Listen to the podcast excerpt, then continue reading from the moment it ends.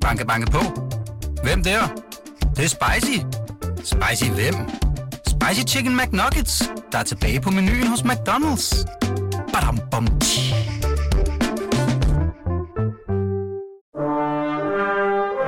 Du lytter til Radio 24 /7.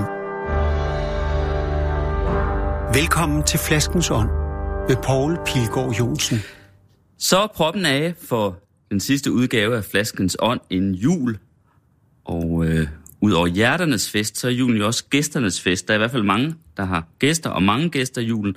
Og det har jeg også. Faktisk dobbelt så mange, som jeg plejer at have her i programmet i kanappen. Øh, og det vil sige to.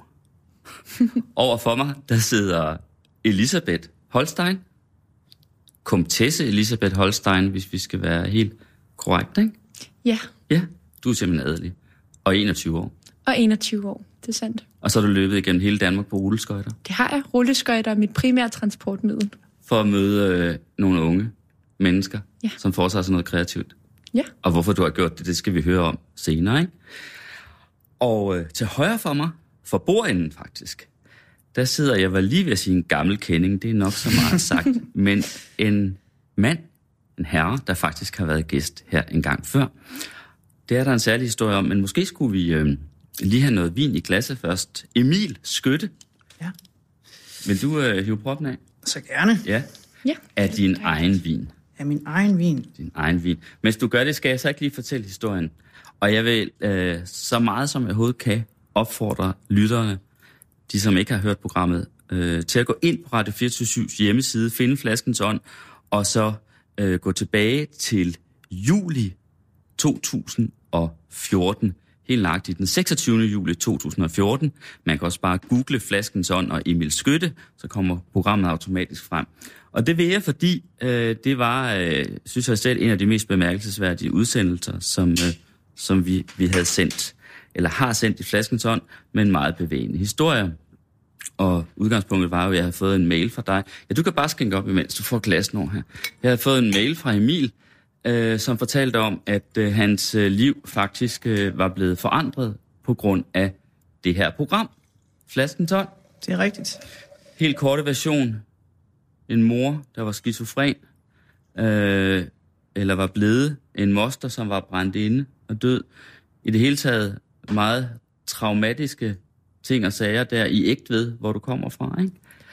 Tak. Og, øh, og så på et tidspunkt, mens du var i gang med at læse kinesisk, havde du hørt flaskens ånd, Ja, og så skete der noget. Altså, ja.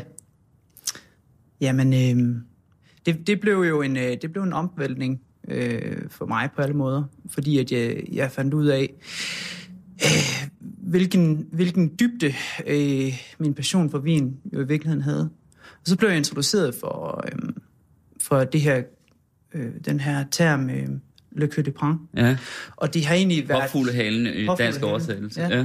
Og, og det er egentlig, øh, og det er det stadigvæk, altså øh, min, min evige jagt, ikke? Min, min evige jagt efter højdepunkterne. Og Coeur de Pin, det er jo den her oplevelse, man kan have desværre alt for sjældent, men med nogle vine, der har ånd, der har flaskeånd, som er magiske, så kan man opleve det her med, at når man drikker den, så vælger den pludselig ud i brystet på en måde, der er helt vild, og, altså, og videre fra brystet, ud i hele kroppen. Og det er ikke øh, kun lige omkring spiserøret eller, eller noget øh, i den dur, det er simpelthen noget, der både føles fysisk konkret, men som også på en eller anden måde er mystisk, magisk, øh, Men det er- overnaturligt, ikke? Det er jo, det er jo, det er jo der, hvor vinen transcenderer øh, til at blive noget spirituelt. Præcis. Øh, Og det var, øh, og det var, nu må vi jo gøre det kort og summarisk her, men det var en meget, meget bevægende beretning, som du sendte mig dengang, og derfor inviterede jeg dig i Flaskens Ånd. Og der er jo gået fire og et halvt år siden. og nu laver du selv vin. Det skal vi høre med om. Vi skal, stri- vi skal drikke det. Smag det først. Ja. Hov, jeg ser. Det bliver jeg så begejstret, så jeg kommer til at, at rulle vinen helt ud, af glasset. Elisabeth Skål. Holstein, velkommen. Og Emil tak. velkommen igen. Tak fordi vi være med.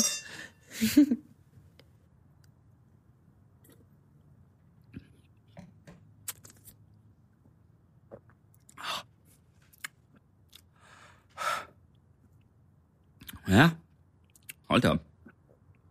Den var godt nok længe. Mm. Hvad? ja. Det bliver bare ved og ved og ved og ved og ved. ja. Ja. Hvad? Det kan man godt mærke på Kan du? effekten. Ja. Hold da op. Ja. Altså, jeg skal lige sige, at det bliver faktisk også lidt eksalteret over det, at, at øh, min plan, det er egentlig, at, øh, på tid, at du har rollen for- primært som vinleverandør i dag. Så på et tidspunkt, så, smider, så smider jeg dig ud af kanappen, og, øh, og så bliver Elisabeth her, og så skal vi snakke om dig, Elisabeth. Men Ja. jeg tror, at vi starter med at lave... Øh, øh, vi starter med dig, ikke? Jo. Altså, ja, hvad, hvad, skete, hvad er der sket siden? Hvad er der sket de fire og et halvt år? Jamen, der er jo sket enormt meget. Øh, faktisk lige inden, at øh, øh, jeg var heroppe i programmet, der tog jeg jo til... Øh, lige efter tog jeg til Barolo og arbejdede øh, for øh, nogle af mine største idoler inden for vinverdenen. Elio Altare og Mauro Velio og nogle, nogle folk. Og så blev jeg grebet. Altså, jeg kunne ikke, øh, jeg kunne ikke stoppe. Jeg havde, ikke, øh, jeg, havde, jeg havde faktisk ikke noget valg. Så jeg, jeg skrev rundt og øh, begyndte at rejse rundt i øh, specielt Italien for mm. at arbejde for, for dem, som jeg så allermest op til. Som jeg følte lavede karakterfulde vine, og som jeg synes havde en eller anden åndelig kraft, som, som jeg ellers ikke kunne finde. Øh, I løbet af, af, af min arbejdstid der, så øh, røg jeg ind i en, en, en lille surfertøs over i Kalifornien. Og øh, så tænkte jeg, lige så godt øh, slå to fluer med et smæk, og så tog jeg over til Kalifornien øh, for at være lidt mere sammen med hende. Og endte over i øh, San Ynez Valley, lige et par timer nord for Los Angeles. Forhold, det gik helt helvede til. Men øh, jeg fortsatte med at lave vin. Og ham, jeg arbejdede hos, han, han kunne se et potentiale i mig. Han, han kunne se, at jeg havde, jeg havde øh, en ambition om, at, at jeg ville lave noget, der, der rent faktisk var, var, var noget ved. Ikke? Øhm, og det har så resulteret i, i øh, mit egen vinmærke, der hedder homage. Altså ligesom øh, fransk ord for magi, men også homage, fordi det rent fonetisk lyder ligesom en homage, en, en hyldest til alt det, jeg kommer fra. Mm-hmm. Øh, den her vin her, det, det er Eteria. Øh, Eteria hedder den. Eteria hedder den. Ja, det er godt. For, fordi den er eteriske karakter. Det, det var sådan, jeg havde tænkt det. Og Og det, det er den jo. Nu kiggede jeg jo lige på etiketten inden. Mm-hmm. Det, den er lavet af Grenache, på Grenache, druen Grenache, Ja. som jo er en hoveddrue i, øh, i Rhone, ja. hvor, øh, hvor resultatet normalt er noget mere massiv Ja. vin, ikke? Det her, det svæver. Altså, jeg vil sige eterisk. Hvad, hvad, lad os lige smage på det igen. Det er jo virkelig ikke tungt. Altså, det er, det er virkelig svævende, synes jeg. Mm. Svævende lidt, ja. Jeg synes, hvad synes du om den? Ja, jeg synes, den er noget så lækker, det synes jeg. Mm. Meget delikat. ja. Tusind tak. Tusind tak. Det er ja, meget feminin.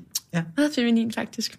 Mm. Altså, tanken har hele tiden været, jeg kan huske, vi har altid snakket meget om det her med, det har jeg også hørt dig nævne mange gange i programmet faktisk, det her med, der er en forskel på koncentration og intensitet. Det, jeg gerne ville lave med min allerførste vin, det var en, en vin, som var intens, uden at være koncentreret. Mm-hmm.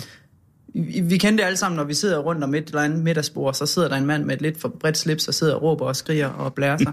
og det, er, det bliver hurtigt, det er meget øh, imponerende til at starte med, men, men man bliver meget hurtigt træt af det. Jeg vil hellere lave en vin, der, der visker? Ja. Og, og har fuldstændig samme gennemslagskraft. Ah, det er en lidt mere stille fyr, som Diskret. som viser sig at være meget mere interessant Ja. og indhold. Så, så det, jeg sådan set har gjort, det er, at jeg, har, jeg var over at finde nogle, øh, overlede efter nogle marker, som, som for det første var kølige. Jeg vil, øh, jeg vil kun have biodynamiske marker, fordi det, det er de eneste vine, der ligesom kan facilitere den her oplevelse af noget større. Sådan føler jeg det i hvert fald. Og så har jeg jo så er alting lavet i hånden.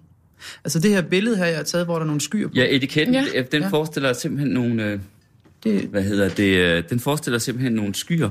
ja. Og, øh, eller ovenover skyerne er man jo ikke også? Jo. Man er ovenover skyerne. Så står der lige 16 nede i hjørnet. Det må så 2016. Ja. Og så, men, men sig mig lige, altså, øh, leger du øh, de her, øh, den her vinmark, eller hvordan?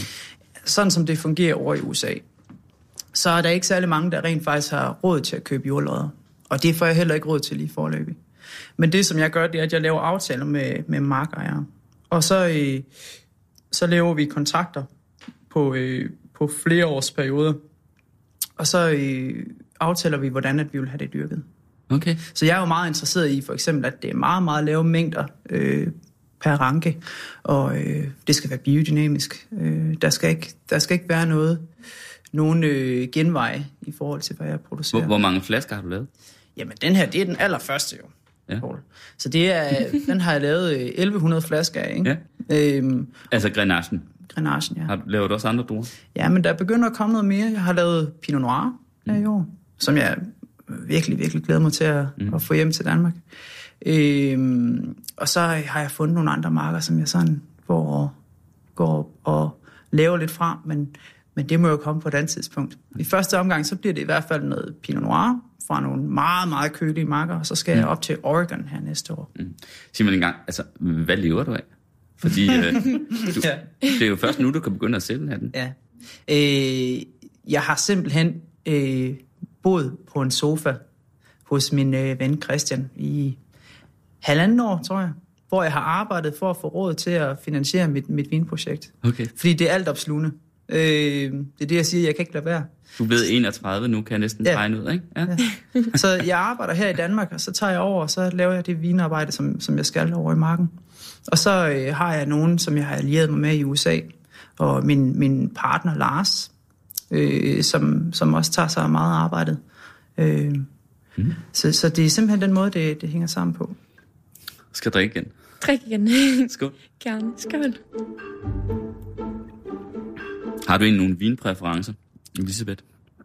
Om jeg har... Ja, nogle vinpræferencer. Uha. Type, altså Nu kommer jeg jo- land, eller Ja. rød, eller hvid, eller champagne, eller... Nu kommer jeg jo helt til at blegne ved siden af, men altså min ekspertise på området er nok ikke så stor. Det må Nej. jeg erkende. Altså jeg er lige kommet over det stadie, hvor man kun var til papvin, eller det i hvert fald kunne være acceptabelt. Men øhm, nej, desværre, det må jeg indrømme. Nok ikke så meget spanske vine. De er lige rødvine, lige stærke nok. De er for stærke. Ja. Okay. Sig mig lige, øh, hvad siger de, øh, hvad- siger de øh, ægtved til, til at øh, til at have fået en, en vinavler, altså et bysbarn, som er blevet vinavler? Jamen, øh, jeg synes, de tager det meget fint. Der er jo øh, selvfølgelig nogen, der kan rynke lidt på næsen over, at, øh, at jeg, har, jeg har gang i, i mit projekt her, og når du ser priserne på vinene, så er det måske heller ikke øh, der mit, mit største Publikum, du hvad? konsumentsegment vil ligge. Men, øh, men jeg, jeg tror generelt, at der, er- altså, øh, der er mange, der sådan er imponeret over, at jeg har, jeg har gjort, som, som jeg nu engang har gjort. Ikke? Øhm, Hvad koster sådan en flaske om den der? den koster, den bliver solgt i Bichel, koster en 375 Ja. ja. for tilbud. Ja. Tre, øh, hos specielle vine. Ja. Ja. Mm. Øhm, ja. Ja, det er også en pæn pris, altså, Det for er- en vin, der stadig er ukendt, kan man sige. Ja. Ikke? det er rigtigt. Øh, men, men det er jo også fordi, at øh, jeg vil ikke gå på kompromis på nogen som helst måde. Øh, jeg har siddet ved, ved hver i eneste drueklasse, har jeg siddet og øh, afstillet i hånden. Fordi det er jo det, der skulle til. Der er, ikke, der er ikke noget, som jeg ikke har gjort ved den her flaske, som jeg ikke har gjort i hånden. Det, øh, det tog mig cirka... Øh, per dag kunne jeg vas, øh, vokse øh, 110 flasker. Altså, og voksen, det er det, der, det, er det, der der sidder, sidder i stedet, for, halsen. i stedet for en almindelig, øh, hvad hedder det, blykappe, eller nogle gange er det jo bare, øh, hvad hedder det, øh, øh, sådan noget tyndt øh, folie, der sidder omkring flaskehalsen ovenover proppen, så er der altså her voks. Eller er det voks, eller er det lak? Det er voks. Det er voks. Ja. Og hvor mange til du kunne lave? Jamen, jeg kan vokse 110 flasker om dagen, og så Ja, er jeg endda okay. hurtigt væk. Så det er jo ikke stor produktion, jeg har gang i. Men det er fordi, at jeg vil lave noget, der virkelig betyder noget. Ikke? Det, det er det der, det er vigtige. Og så, så må alt det her med pengene, og sådan, det, må, det må komme bagefter. Det, er- det er mit kreative aflad. Og, og det vil jeg ikke gå på kompromis med. Mm. Skål. Så skål, skål Emil, og tillykke med det. Og skål til Elisabeth Holstein. Og jeg, jeg sad lige og tænkte på Elisabeth. Ja. Altså, du har lavet det her projekt, hvor du øh, på rulleskøjter har taget rundt i hele Danmark og har mødt nogle unge øh, mennesker, der skaber noget. Der ikke? skaber. Ja. Der skaber. Øh, hvilken aldersgruppe er vi her? Vi er aldersgruppen 15 til 25 år, 15. med et par afstikker, en på 13 og en på 28, ja. Men det er alt muligt, de skaber, ikke? Det er helt på tværs, ja. Altså, hvad kunne det være, for eksempel? Det kan være... Vi har mange eksempler i min bog på øh, billedkunst. Ja, for du, du, har, du har simpelthen med. lavet en bog. Ja, og jeg har bogen med her i dag. Ja, det er dine rulleskøjter, der er røde rulleskøjter, der er Det på er, forsiden. ja, det er det fysiske vidnesbyrd på rejsen her gennem Danmark, hvor jeg altså har lavet interviews med unge mennesker om, hvad de går og skaber. Mm. Og vinproduktion kunne godt have været et eksempel. Mm. Det havde jeg dog desværre ikke kendskab til en, der gjorde på daværende tidspunkt. Men jeg har til gengæld haft kendskab til nogen, der har lavet en festival, og en, der tatoverer, en, der har sendt klassisk musik ind, sendt nogle partiturer ind. Så det omdrejningspunktet er unge mennesker, der skaber, og egentlig også kunst. Men det begyndte at gå mere en retning af bare det med skabelsesprocessen. Vi har diskuteret i bogen, hvad der er givende ved at skabe. Mm. Ja, som ung. Så Emil, han kunne sådan set, hvis han havde været lidt yngre, så kunne han godt have været med i den Det bog. kunne han sagtens have været, ja. Det leder op til en toer. ja, det kunne han. Det kunne han. Absolut. Og altså, det er jo fra hele Danmark. Mm. Øhm, over stok og sten, så det kunne også godt have været for Ægtved. Um, og det er også det, bogen nemlig er. Den, er, øh, den viser altså tendenser fra, hvad den danske ungdom går og laver, men også utrolig mange øh, individuelle forskelle, forskelle på at vokse op i land og by, ens muligheder for at skabe, altså for at gode tilbud til netop at få lov til at starte sin virksomhed, eller bare det at sidde og tegne. Um, ja, mm. så der er mange gode sammenligninger på det grundlag. Er der nogle ting, der karakteriserer sådan øh, hen, øh, hen på tværs, altså øh, øh, de her mennesker? Altså hvad er det, mm. hvad er det der karakteriserer de folk, som skaber? Behovet. Ja. Behovet, og det, at de ikke kan lade være. Mm. Som Emil selv sagde lige før, hvad jeg også hørte dig sige mellem linjerne, var lidt det, at altså, eller i hvert fald med mange af dem i bogen, selv de perioder, hvor det hele ser sort ud, hvor man ikke kan række ud til nogen, som måske lige gerne vil hjælpe, men så selv der, der, der man kan ikke lade være. Der er ikke noget, der gør, at man, øhm, ja, at man stopper, selv når det ser helt håbløst ud. Og, øh, og den sådan udslukkelige ildsjæl, der gemmer sig inde i de her unge mennesker, de, øh, det er nok fællesnævneren for dem. Mm. At de alle sammen har et behov for at, øh, at øh, lave noget, skabe noget. Og når det så er sagt, så er der øh, mange af dem, som også netop bare har gjort det selv. Altså taget lokalt initiativ, eller taget et initiativ på deres skole, selv gået i gang med deres virksomhed. Selvom der ikke stod nogen lige umiddelbart til at ja, skabe øh, en grobund for dem. Mm-hmm. Mm. Ja, altså nødvendigheden. Det, er det, der, Nødvendigheden. det kan ikke lade være ja. nødvendigheden. Ja. Ja, det er også det, der er din historie, mm. Emil, ikke? Jo. Faktisk. Sidder jeg og tænker på. ja. Uden at så at vide, hvad det, hvad det bliver til. Fordi jeg, jeg, når jeg spurgte om, at de to de ægte, så tænker jeg egentlig også lidt på din familie. Nu må du lige fortælle mig, altså du, hvem, hvem har du øh, i, i ægtved til? Hvad din far? Jeg har min far, ja. Ja, som er læge, ikke også? Han er, øh, han er ambulancekører, Han er ambulancekører? Ja. Ja. Okay. og han bor stadig i vores gamle hus. Ja. Øh, og ham tager vi jo tilbage og besøger. Ja. Øh, Det kunne godt være, han havde håbet, du havde fundet dig, øh, eller brugt din uddannelse til noget, der var lidt mere sikkert. det, det, øh, det havde han nok, tror jeg. Men jeg tror også, at han... Der, jeg tror også, at han er, han er imponeret over, at, at jeg har jeg har valgt at, at smide alt fra mig, og så simpelthen følge min passion. Fordi det er der ved Gud ikke særlig mange mennesker, der ellers gør her i Danmark, vel? Mm. Øhm, så der er, den der, der er jo selvfølgelig den der løftede pegefinger, men så, så øh, er der heller ikke mere skideværd i det, vel? Okay. jeg kan ikke forstå, hvorfor jeg troede, han var læge. Var det, var det noget, Ja, I... min mor og far, der var læge. Ah, og I boede i en stor gammel lægebolig. Ja, var det sådan, det var? Ja. ja. Ja. Det er faktisk den første generation, min, min mor og far, der ikke blev læger. Mm. Hvilket jo også var, det var heller ikke så godt. Nej. og hvad med det der egentlig, altså det kinesiske, for det må jeg have tændt dig på et eller andet tidspunkt. Er, du, øh, er det fuldstændig for- fortonet sig? Men se, det, er jo, det er jo meget sjovt, når man sidder sådan og, og kigger i retrospekt, så, øh, så øh, kan jeg jo stadig mærke, at der er rigtig meget af, af det kinesiske, der faktisk sidder ved. Det er jo ikke fordi, at jeg bruger det rent fagligt, at jeg taler og skriver sådan i dagligdagen, men, men jeg kan jo mærke, at, at noget af den her drift her imod, at jeg er begyndt at lave vin, kommer fra det kinesiske. Hvordan? Altså, jamen, øh, jeg interesserede mig faktisk først for te, da, da jeg var i Kina. Jeg rejste rundt i hele Kina for at prøve de, de ædle teer rundt i ah. Kina. Og det er jo faktisk øh, også et terroir-produkt. Mm. Altså det er alt sammen lavet på øh, Camellia sinensis, som er den samme plante, men den ændrer udtryk alt efter, hvor den bliver plantet. Så da jeg så kom tilbage til Europa og fik øjnene op for vin, så var det som om, at det bare var en naturlig overgang derfra. Mm. Øh, og og øh, det, er jo egentlig, det er jo en af tingene, jeg, jeg bare har taget med. Øh, der er også nogle sådan, øh, der er også nogle, altså nogle, nogle kinesiske paradigmer, og sådan, som jeg egentlig har taget med ind i det, øh, jeg bruger, når jeg, når jeg producerer vin. Altså billedet her på, på, på min etikette er faktisk fra det hellige bjerg, jeg blev opkaldt efter i Kina, Ermeshan. Så, så det hele, det, det går igen. Altså det er jo en cirkelvirkning. Du får lige lidt mere her. Men jeg så, som sagt, ja. så vil jeg jo have uh, Elisabeth for mig selv her. Ja. Og det er ja. lidt igen, du får lidt. jo, tak. Ja, men altså hvis jeg må bygge en bro til bogen faktisk ud fra det, du nu har sagt, og gerne mens du stadig sidder rundt om bordet, så vil jeg sige, at øhm, altså med bogen her, den har jo et ganske naivt udtryk, umiddelbart med sine røde rulleskøjter, og det er hele den her rejse, 19-årige pige, som rejser rundt på de Ja, du er 19, da du rejser rundt. Jeg er 19, da jeg rejser rundt og laver bogen, Eller ja. ruller rundt. Og ruller rundt, ja. Skøjter rundt hedder det vel? Ruller, rullerejse, ja. Um, men det, som er øh, også en form for fællesnævner for dem. Det vi gerne vil ud med bag den naive udtryk gemmer sig jo en politisk agenda. Det må vi jo nok erkende.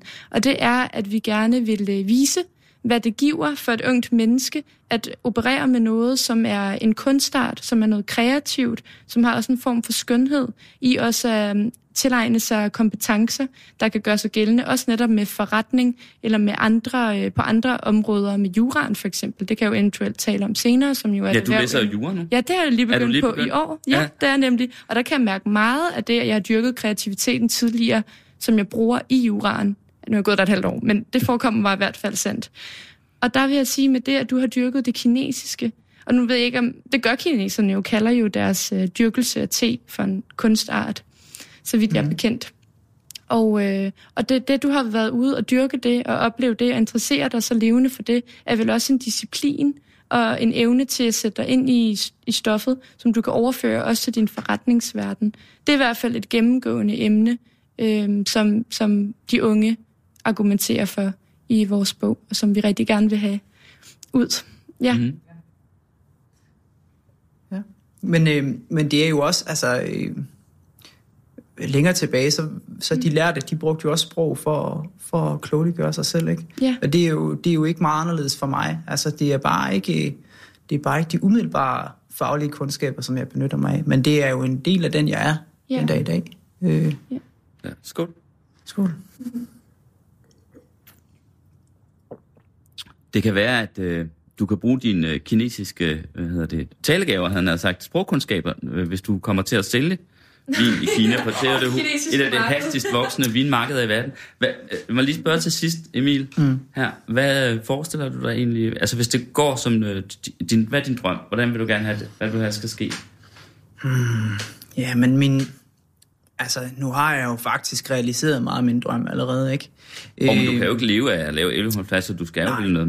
Du skal vel, det skal vel vokse? Det er, det er klart, og jeg øh, regner jo stærkt med, at jeg kan begynde at producere noget mere. Øh, og jeg kan producere noget, som jeg synes, der er det er værd at, at bruge sit liv på. Og så, øh, så du, håber vil jeg... du gerne have din egen vingård? Ja, det vil jeg gerne. Det vil jeg gerne. Øh, Skulle den være i Kalifornien så, eller skulle den ligge et andet sted? Jeg synes jo, det er rigtig sjovt at producere øh, vin i Kalifornien, fordi det går meget imod øh, det paradigme, der er omkring derovre. Altså jeg synes jo, de misfortolker tit vinen derovre. Derfor synes jeg, det er sjovt at lave mm. amerikanske vin med, med, med sådan nordisk ånd.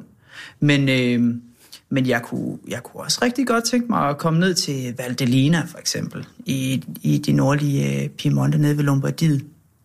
Det kunne være fantastisk også. I det hele taget, så er det, så er det egentlig ikke øh, så vigtigt, hvor det er henne, så længe at, at, at jeg føler, at der er et potentiale for, at man kan lave det. Og, øh, og, og, og det er fordi, at jeg tror på, at terroir også har rigtig meget at gøre med vinmæren selv.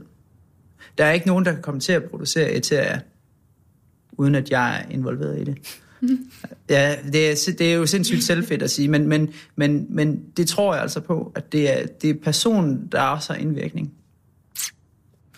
Okay. Tak fordi du har taget den her vin med øh, til os, og at, øh, og at du kom her herind igen. Øh, nu tænker jeg, altså du er velkommen til at sætte dig øh, ud i spisestuen, øh, eller ind ved siden af Ninette, hvis du vil, øh, og drikke videre.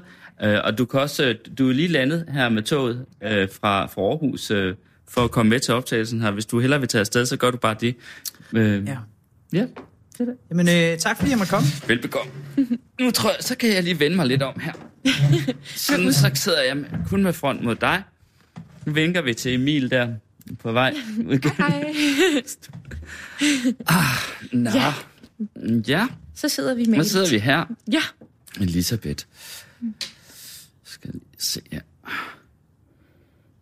Det smager altså ret godt, det her, hva'? det smager virkelig delikat. Virkelig godt. Det gør det. Altså, det er jeg var virkelig, jeg var meget overrasket over, altså fordi jeg tænkte, det er jo fedt, han er begyndt vin, men det var første årgang, så man kunne godt forestille sig, at øh, det, måske ikke lige var blevet, blevet så fantastisk, men jeg synes faktisk, det smager, at det er virkelig godt. Ja, man kan godt mærke, at der er, jeg skulle sige, der er en person bag, Bum. der virkelig vil det bedste. Hvorfor, øh, Ja. hvorfor kører du egentlig rundt på de der rulleskøjter hele tiden? Hvorfor jeg gør ja. det? Jamen, det gør jeg, fordi at, jamen, der er, det er flere grunde. Der, hvor jeg voksede op, der var der kultur for det, men jeg var faktisk en af dem, Hvor, der hvor er gik... det hen? Det er i uh, Baggrænsgade på Østerbro, Okay. er jeg vokset op de første 13 år.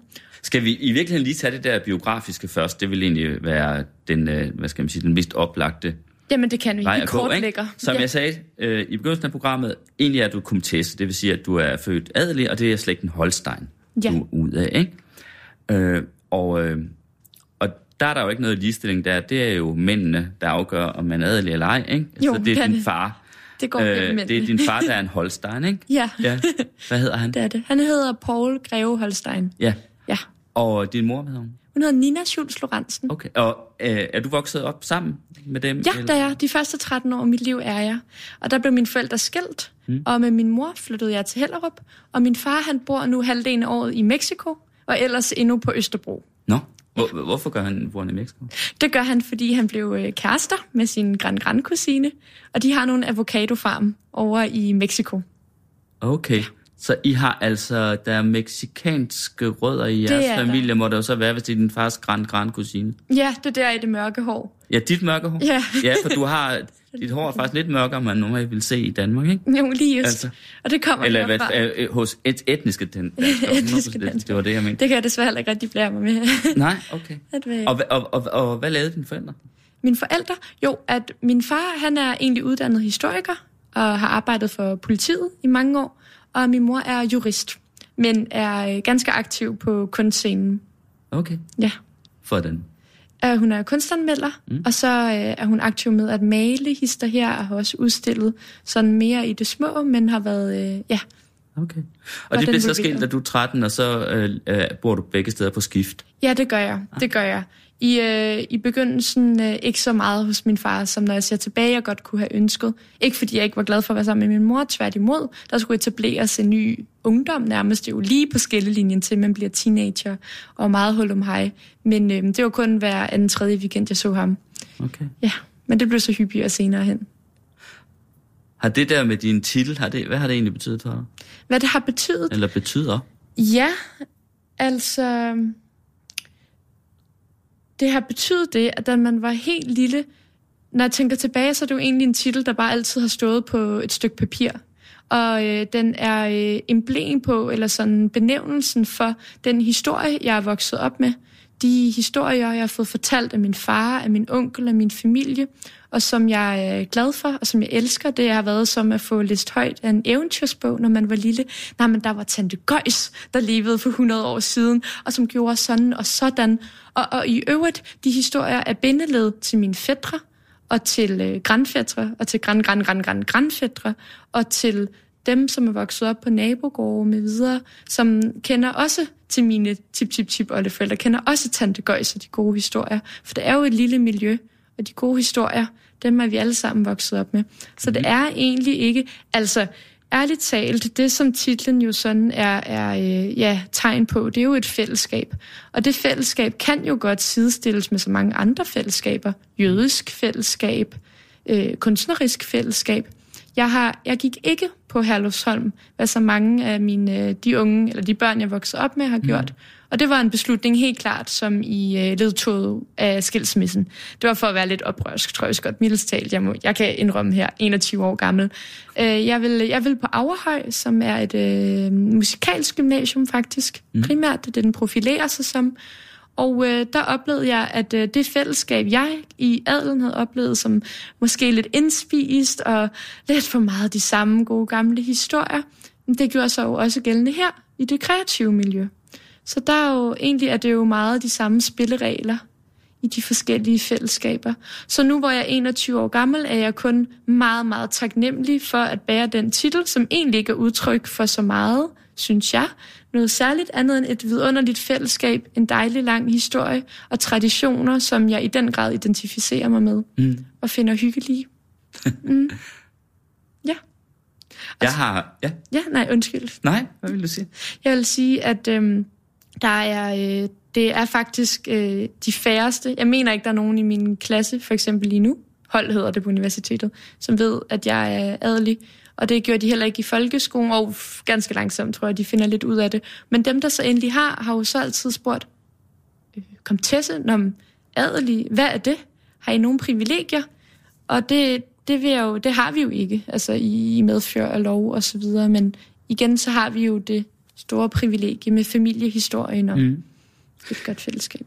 Jeg har engang været, men det er mange år siden nu, men jeg har været på besøg nede hos, øh, det, det må være din onkel så? Ja. På Holsteinsborg. Det er min altså, fars det er vel, storebror. Ja, ja, det er din fars storebror. Ja. Og det er jo ligesom jeres, øh, det er slægtsslottet, ikke? Ja. Holsteinsborg. Ja. Hvornår kom den i familiens eje, sådan cirka? Kan du huske det Ej, det skal jeg ikke sidde og overhøre det på, men uh, uh. altså, men jeg giver i 1600-tallet nok, sagt, 1600-tallet eller 1700-tallet. Det er det, det er slutningen af 1600-tallet, slutningen af 1600-tallet. Det var familien Trolle, der havde det før. Trollesholm hed det dengang. Ja. Og så blev det til Holsteins. Ja, så flyttede Ulrik Adolf Holstein ind. Det ja. gjorde han. Han fik det af kongen. Ja. Og er du kommet dernede også? Altså sådan mere øh, regelmæssigt eller jævnligt? Ja, Mm. Jeg vil tillade mig at kalde det, men det er jo så søgt at sige det sådan, men en form, en art andet hjem. Mm. Altså fordi det er, øhm, og helt klart også romantiseret. Altså det er der, jeg har haft alle mine somre og mine mindre ferier og weekendophold. Elsker jeg at komme hos mm. min onkel og tante. Øhm, det er derfor, jeg spørger, fordi jeg tænker på, om, om også det sted, selvom du ikke er vokset op der, om ja. det sted så, hvad skal man sige, har en særlig betydning for dig i Jamen det har det. Ja. Det har det, absolut. Mm. Altså altid, når jeg kommer der og er der, øhm, så føler jeg mig jo, øh, jeg, jeg føler mig jo knyttet til øh, en, netop familiehistorien, der går så langt tilbage. Og jeg føler mig også sådan, øh, jeg vil ikke sige skubbet i ryggen, men jeg føler også, at der tilhører nogle forpligtelser. Jeg føler, at jeg skal gøre det godt. Jeg føler, at jeg er heldig, at jeg har fået mulighed for at være her alle mine sommer. Og at, øh, at jeg derfor også bliver nødt til at at leve op til det, som forfædrene har gjort før mig. Øhm, det synes jeg, øh, at man godt kan være bekendt at øh, sige. Og det ved jeg jo, at mange føler, at øh, der er faktisk et udtryk, der hedder, at øh, adlen forpligter. Mm. Noblesse oblige. Noblesse og det, øh, ja, og det, øh, og det gør den i den grad, især for dem, der faktisk skal overtage gårdene. Øh, det, er jo ikke, det er jo ikke en gave, nødvendigvis, at skulle overtage. Det er ikke et øh, familiehjem alene. Der hører to sider til det, som absolut er øh, altså lige store, og den ene, eller vægtes lige tungt. Og det ene er jo herligheden i, det er et familiehjem, du kan invitere andre hjem til. Det andet er øh, den forretningsmæssige side, som er nok en evig, øh, virkelig noget, der giver grå hår. Lad os lige sige det sådan. Ja. Fordi du også har en lang tradition at bære på dine skuldre. Er du 10. generation, der pludselig... Faktisk, jeg vil gerne... Øh, Emil nævnte øh, teen i Kina. Jeg var ude at besøge et, øh, det, der hedder matcha. Et te-leverandør øh, i Japan, der igennem 14 generationer har lavet te. Og nu deres yngste søn, han vil gerne, og eneste søn i øvrigt, han vil gerne være DJ. Så han bryder altså en tradition igennem 15 generationer. 14 generationer i hvert mm. fald. Og det er jo, den gør lidt ondt mm. at være den, der brød. Så der er absolut tilhørende mm. forpligtelser. Mm. Men øh, der er også en god fantasi forbundet med at komme på de her, øh, komme på Holstenborg det har været spændende som barn at få lov til at lege og klæde sig ud. Og... Har du ligget i den seng, hvor H.C. Andersen så? Ja, det har jeg. Har Men jeg har ikke overnattet der dog. Men jeg har ligget der, ja.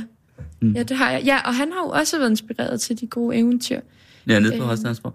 Jeg har været dernede øh, i området mange gange. Jeg, jeg elsker øh, altså den, den vej, der går hen fra, hvad hedder det, hvad hedder den, byen, øh, havnebyen, hvad hedder Bisserup? det? Ja, fra Bisserup-stranden, Ja. fra Bisserup og ud til Havstandsborg. Ja. Øh, det er jo nærmest den smukkeste vej, jeg kender. Ja, Altså på grund af er træerne, ikke? Altså det er både, ja. den er eventyrlig lige når træerne er sprunget ud, den er eventyrlig Ja. om sommer, den er eventyrlig om efteråret, når det hele er ildrødt, ikke? Mm. Altså, Ja, Jamen, den Helt var helt fantastisk utrolig. vej. Det er der. i det hele taget, det anlæg, det er jo, med det, men det er jo gigantisk stort. Altså, Altså, bøgerne skriver sig selv, når man er dernede, og jeg har absolut også skrevet på den her bog, mens jeg var der.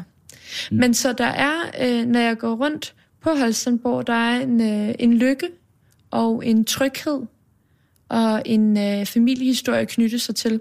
Men der er også en mærkelig form for sorg og forpligtelse.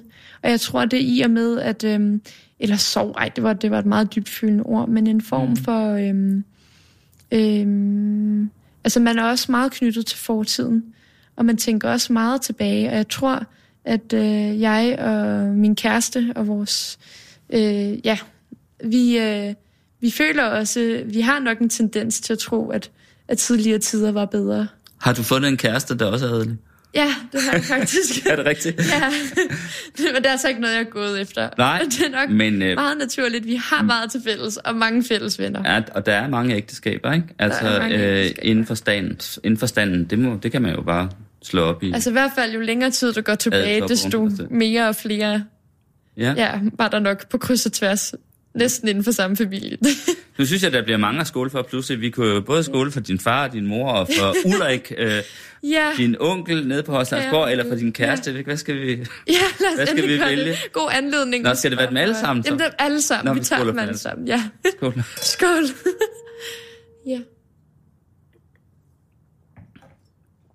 Ja. Mm. Hvordan fandt du på at lave den bog der? Altså, hvad lavede du på det tidspunkt, siden du ville lave en bog om sådan nogle unge og skabende mennesker? Ja, altså det udspringer sig af en god historie, og så sådan en fornuftig historie. Hvis vi lige tager det fornuftige først, Ja. så var det, at jeg var med i et projekt, der hedder Forskerspiger, hvor jeg lavede en... Hvad, der gik du i gymnasiet, eller hvad? Der gik jeg 2G, ja. Okay. Jeg var 17 år gammel.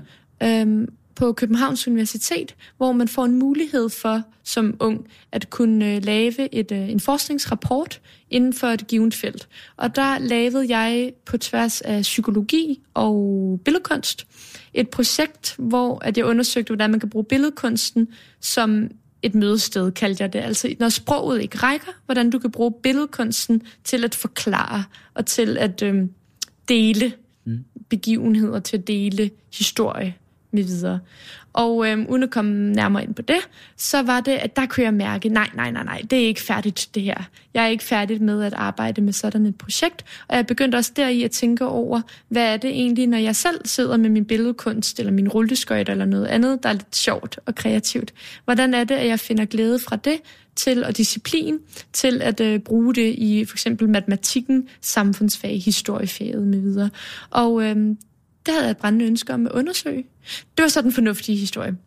Den skal knyttes til, at jeg på daværende tidspunkt stod på rulleskøjter, og det, er, som det, det var, som det også er i dag, mit primære transportmiddel. Og dengang, der gjorde jeg det, at jeg tog en notesbog i min ene lomme og en kuglepen i den anden, og så tog jeg rundt her i København, og der tog jeg øh, en aften på en bar og skulle mødes med mine venner. Og øh, på min vej og på baren, der bedte jeg fremmed om at lave en lille hilsen i min notesbog. Det skulle have et form for kreativ form, så det kunne være en tegning, et lille partitur, et lille digt. Mm. Og folk, de gjorde det faktisk. Mm. Og hvad jeg vil sige var imponerende, det var, om end at de varierede i, hvor dygtige de var til rent faktisk at lave noget kreativt. Altså noget af det var håbløst, og noget af det var en krøllet, grim stjerne, men så alligevel så stod der altid noget, de havde på hjerte. Sådan noget, noget dybfølende, og det, det var interessant, synes jeg, hvordan... Øh, og så sagde mange af dem bagefter, efter de havde fået lov til at tegne, de sagde tak. Tusind tak, fordi jeg må dele det.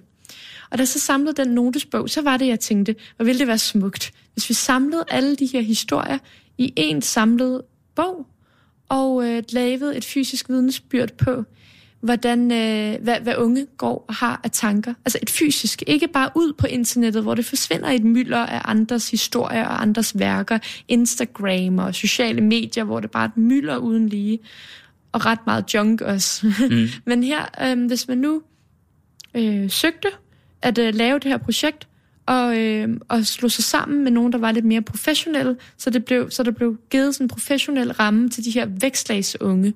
Altså unge, som bare godt kan lide at sidde og fifle med noget kreativt, men ikke nødvendigvis at bruge det igennem på den kunstneriske scene. Mm. Mm. Øhm, jeg viste det for, for ja, den brede befolkning og, og eftertiden, hvad vi unge går og fifler med.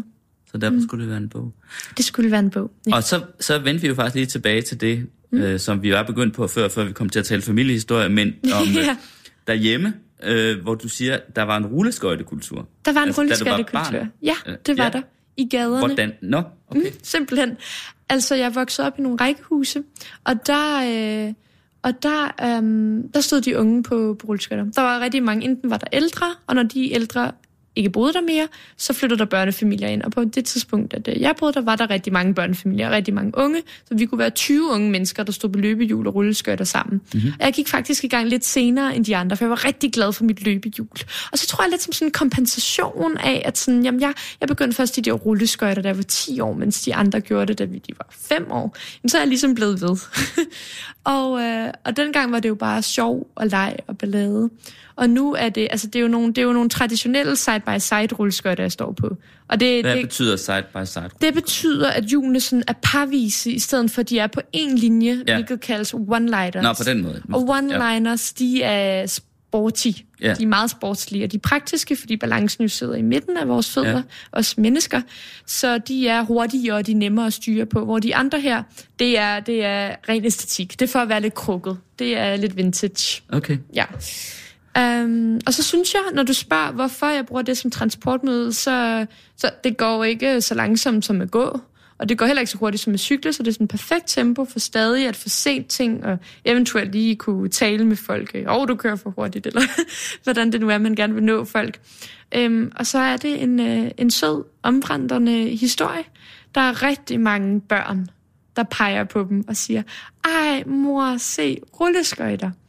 Og der tænker jeg, at uden det skal blive for fjollet, så kan jeg egentlig meget godt lide at, at give noget til gadebilledet, som skaber glæde.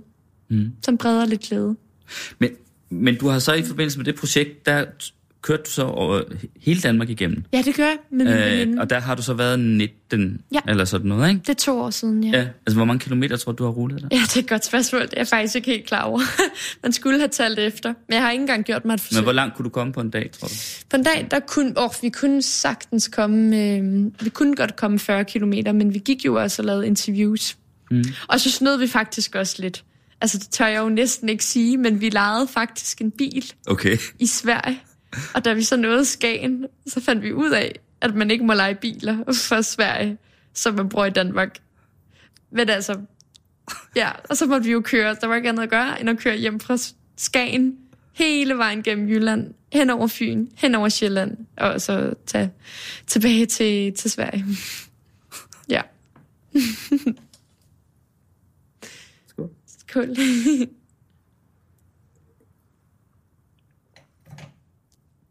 Men ellers så rullede vi. Min fotograf og jeg. Ja. Ja. ja. Mm.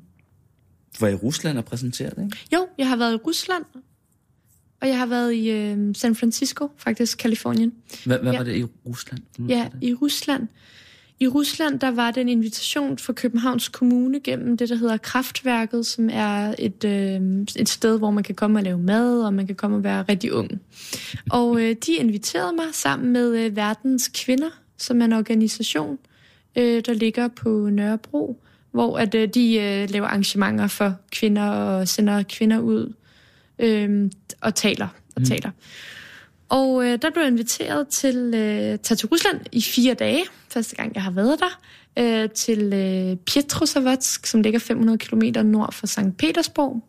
St. Petersborg, der hedder Petersborg, altså Petersborg, Peters mm. fabrik. Og der ah. skulle jeg holde et oplæg på deres øh, research center, forskningscenter, og en af deres skoler, kunstskoler, balletskole primært, om de unge skaber, altså projektet her, og det at være ung og kunne gøre det selv. Mm. Selv lave projekter. Altså var det for russiske skaber. unge så? Ja, det var det. Det var for russiske unge professorer. Ja, så de kunne høre, hvordan man kunne aktivere unge. Jeg blev bedt om også at tale om demokrati. Ja. Ja, og så det der, var, øh, det, der var rigtig interessant, det der skete, det var, at øhm, man er jo imponeret, når man kommer til Rusland. Man kan jo næsten ikke lade være. Når man ser deres balletdansere, og de er så dygtige, og de kan det ned til mindste detalje. Og det er så, det er så instrumentalt, eller det er så mekanisk, den måde, de danser på. Det er simpelthen så smukt. Og stadig med utrolig meget føling. Altså som det næsten kun kan lade sig gøre, når man er blevet undertrykt nok øhm, eller hvordan det nu er. Det var i hvert fald, hvad de selv gav udtryk for. Øhm, til at der bare må udspringe en masse følelser. Jeg siger, altså de her unge mennesker, deres kunst, vi fik lov til at se, er simpelthen så følelsesladet, og stadig lidt mekanisk, ja. Meget mekanisk, som nævnt tidligere. Men øhm, det, som, øh, det, som de var imponeret over, de unge, det var det der med, at øh, de unge her i Danmark, de har jo faktisk ganske frie tøjler, og de kan gøre det selv, og de, øh, de voksne, så at sige, vores professorer, og vores ja, læser, øh, lærer i Danmark, de spørger os, hvad vil I gerne i ja. vores undervisning? Mm. Og det var de meget, det var fremmed for dem, mm. og meget imponerende, øh, synes de. Og så øh, var der på et tidspunkt, hvor jeg sagde, øh, da jeg forklarede projektet her, Nå, jeg gik bare op til kommunen og spurgte, hvem kan jeg kontakte, hvis jeg gerne vil lave en bog. Og så sagde jeg, jo, nu skal du høre, du kan tale med den og den og den. Og da jeg fortalte det her til en klasse i Rusland, der var der en, der rækkede hånden op, og så spurgte vedkommende, undskyld, hvem er kommunen, og hvordan spørger man de voksne? Og der gik det altså op for mig, hvor privilegeret vi er i Danmark. Fordi nok, som jeg nævnte tidligere, bag vores naive udtryk, er der jo den politiske agenda om, at vi gerne vil have mere støtte til unge kultur og kunst. Men vi har rimelig frie tøjler til mm-hmm. at kunne gøre det selv. Og det er jo det, vi gerne skal. Det, der er her i Danmark, det er jo ikke så meget det, at vi egentlig ikke har mulighederne for at skabe eller til at lave vores kunst eller lave vores egen virksomhed. Men de unge skal gøres opmærksom på de muligheder. Der er et gap mellem, at de muligheder faktisk er der, og at vi får åbnet døren for, at de muligheder er der. Mm. Hvor, at, hvad jeg bare må sige på baggrund af, hvad de unge, jeg talte med i Rusland, der foreligger ikke samme muligheder. Nej. Det er ikke deres tankesæt. Ja. Hvad slog dig mere ved Rusland, eller ved de mennesker, du mødte der? Det var første gang, du var der, ikke? Jo, jeg bemærkede... Altså, nu var jeg jo i et kreativt miljø. Ja. Jeg, politisk, de fleste var statskundskaber, dem jeg holdt okay. foredrag fra, faktisk. Men mm. på balletskolen jo kreativt. Men der er sådan en luftborgen musikalitet i luften. Og det er som om med russerne, at, at, ja, at der, der, der er noget, som de bare ikke taler om. Og, og det, det ligger i luften som sådan en spænding. Det ligger ind imellem samtalerne som sådan en spænding. Der er så meget, du ikke... Vi gik forbi en statue af Stalin på et tidspunkt, hvor jeg pegede på statuen og spurgte ind til den. Og der, ja, ja, det skulle jeg måske ikke have gjort, men jeg var altså så fræk at sige sådan, so what, what is, uh, why is he standing here? Mm. Um, og, der, og der fik jeg bare uh, markeret, de, de svarede mig ikke, de markerede bare sådan med hånden, uh, det skulle jeg ikke påpege. Og jeg mener, med den, med den, det er jo ikke engang, fordi de får mundkur på. Jeg tror slet ikke, det ligger i deres tankesæt af udtalelser om noget rent politisk. Og, øh, og den form for, ja, man kan kalde det musikalitet, man kan kalde det spænding, den er virkelig, øh, den er nervepigerne. Der er helt klart noget, man går dernede i St. Petersborg, man går ned i metroerne, og det der orange lys, de har opsat, og som, det er jo som en... Øh, det er jo lidt som at vandre i en, øh, i en krimi. Mm. Eller et Twin Peaks-univers. Mm. David Lynch, ja. Mm. Absolut. Ja. ja. Mm. Mm. Løber lige virkelig let ned, det her. Ja, det gør det. Det gør det. Men sig mig lige, Elisabeth mm. Holstein, nu tager vi efternavnet med her, ikke? Ja. Altså med den der kreative interesse, du har, hvad i alverden laver du så på jura? Spørg en, der jo selv har læst jura. Det, ja. gjorde, jeg, det gjorde jeg, inden jeg blev journalist. Ja, blev journalist. Ja, ja, ja, ja. Også læst jura mm. i Aarhus. Ja. Nå, men jeg synes, øh, jeg kunne faktisk godt lide at læse jura. Jeg fandt bare ud, ud af senere, at, øh, at jeg ville endnu hellere skrive. Endnu hellere ja. skrive. Jeg ville endnu ja. hellere være journalist. Mm. Men... Øh, jeg vil godt nok sige, at jeg synes, der var langt mellem det kreative. og det rent juridiske. ja. ja. Hvad laver du der? Hvad jeg laver der? Jo, altså, det jeg vil sige med juraen, det er, nej, det jeg vil sige med den kreative kompetence helt overordnet, hvad er kreativitet? Det det er jo at løse en problemstilling. Mm. Det er, at du vil gerne skildre naturen i et landskabsmaleri. Du elsker naturen. Du vil gerne have, at andre skal se lige præcis den natur, du kigger på lige nu. Du vil gerne have, at det skal hænge hjemme over din kamin, eller hvordan det nu kunne være. Derfor maler du et maleri. Hvordan går du kreativt? Hvordan bruger du din kreative kompetence til at skildre, hvad du ser i den smukke natur? Jo, på samme måde, når der foreligger en juridisk problemstilling. Mm. Jeg har lige været op til min eksamen i retssystemet juridisk metode. Nå, hvordan gik det? Jeg, det, det? Jamen, det får vi at se. Nå, det var du har ikke fået karakteren Nej, desværre, men det var i hvert fald morsomt at prøve. Eller godt, godt at få det afprøvet, ja, afmystificeret. Ja. Men der, øh, der var nogle problemstillinger, og dem skulle jeg forholde mig til. Mm. Er det materielt retfærdigt, at Marisa udvises af Danmark? Jamen, der kan jeg da mærke, at den samme hjernedel bliver øh, sat i kraft, som når man skal lave et maleri, eller du skal øh, skrive en bog. Fordi hvordan forholder du dig til Hvad er løsningen? Mm. Hvordan tænker du dig til? Mm. Hvordan du skal bruge de paragrafer, du kender til? Du skal kunne veksle mellem dem, du kan skulle vælge det relevante ud. Dertil må jo komme en problemløsende, altså en kreativ kompetence. Også det, man jo nu om dagen så ofte kalder for innovation. Altså det med, at du har en opgave, og så skal du løse den på innovativ vis. Mm. Det er jo egentlig bare at sige på kreativ vis, men hvor du piller det æstetiske ud af det. Ja. Øhm, jeg føler absolut, når jeg sidder med juraen, jeg glæder mig over juraen, jeg elsker den. Øh, nu er der jo også den æstetiske del i det, det er jo selve sproget, er jo meget smukt, men det er jo nok, det er måske lige søgt nok at sige. Men hvad forestiller du dig, ja. at du skal komme til at være, arbejde med? Jeg kan færdig, faktisk godt lide det formueretlige. Det kan jeg, jeg kan godt lide de formueretlige aspekter af juraen, øh, men jeg ved det ikke endnu. Altså det, jeg vil sige med juraen, det er jo meget ydt at gøre det for at tjene gyser dem, jeg studerer med, de vil alle sammen arbejde med menneskerettigheder. Er det rigtigt? Det vil kun jeg egentlig også. Dengang jeg læste jura, der tror jeg 9 ud af 10, de var der, fordi de kunne komme til at tjene gyser. Fordi de kunne komme til at tjene gyser. Jamen, det var muligvis et aspekt af det. Men det er i hvert fald ikke noget, man, øhm, man taler højt om. Ej, nej, nej, nej. Tværtimod. Nej, og det er jo hele tiden, man spørger jo også sig selv, hvad er hensynet bag denne lov? Hvad er hensynet bag det der erstatningsretlige øh, øh, konsekvens? Øh, mm. konsekvens? Hvad vil vi gerne støtte? Så alle vil ansættes i en NGO, siger du? Ja, mere eller mindre. det er lige før. Okay, ja. ved du også det? Nej, jeg ved det ikke. Jeg ved det ikke endnu. Jeg er interessebåret, når det kommer til juraen. Så du bliver sådan en benhård formueretlig advokat? Måske på rulleskøjter. Ja. I hvert fald, dem slipper jeg ikke. Ja. Men så det, Får lige lidt mere vin her. Tusind tak. Men så det vil jeg altså lige uh, sige, at mange i den her bog, de laver kunst, de fotograferer, de tatoverer, mm. Vejer, men de går altså også på CBS ved siden af. Mm. De læser økonomi, og de er... Uh, ja, det gør de. Mm. De har egen virksomhed med videre. De bruger deres kreative kompetencer mm. netop i også matematikken. Du kan også se Averhøj for at tage udgangspunkt i mit eget gymnasium.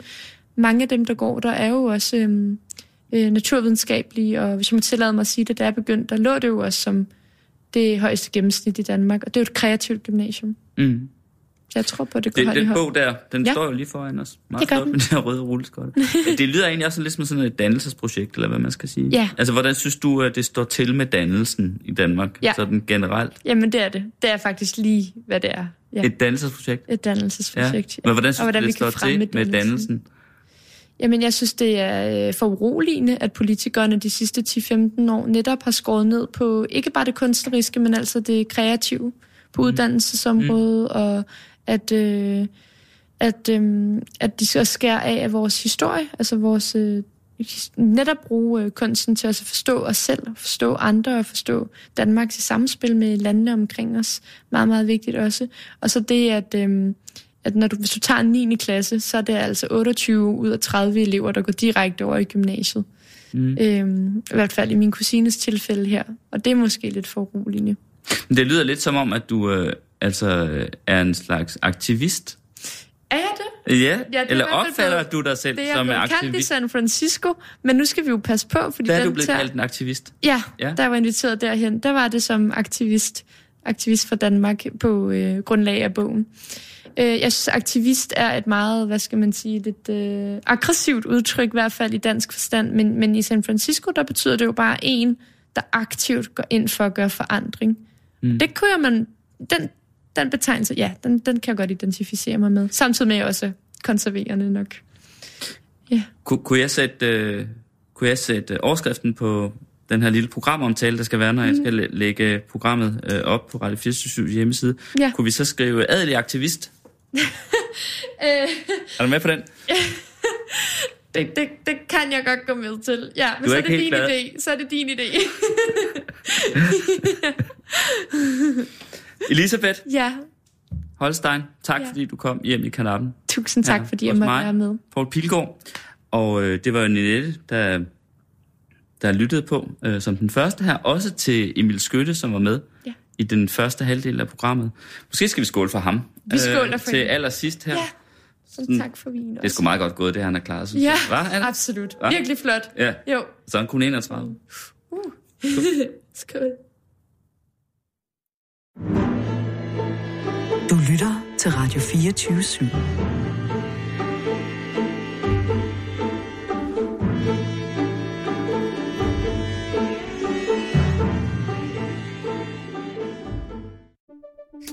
Banke, banke på. Hvem der? Det, det er spicy. Spicy hvem? Spicy Chicken McNuggets, der er tilbage på menuen hos McDonald's. Badum, bom, tji.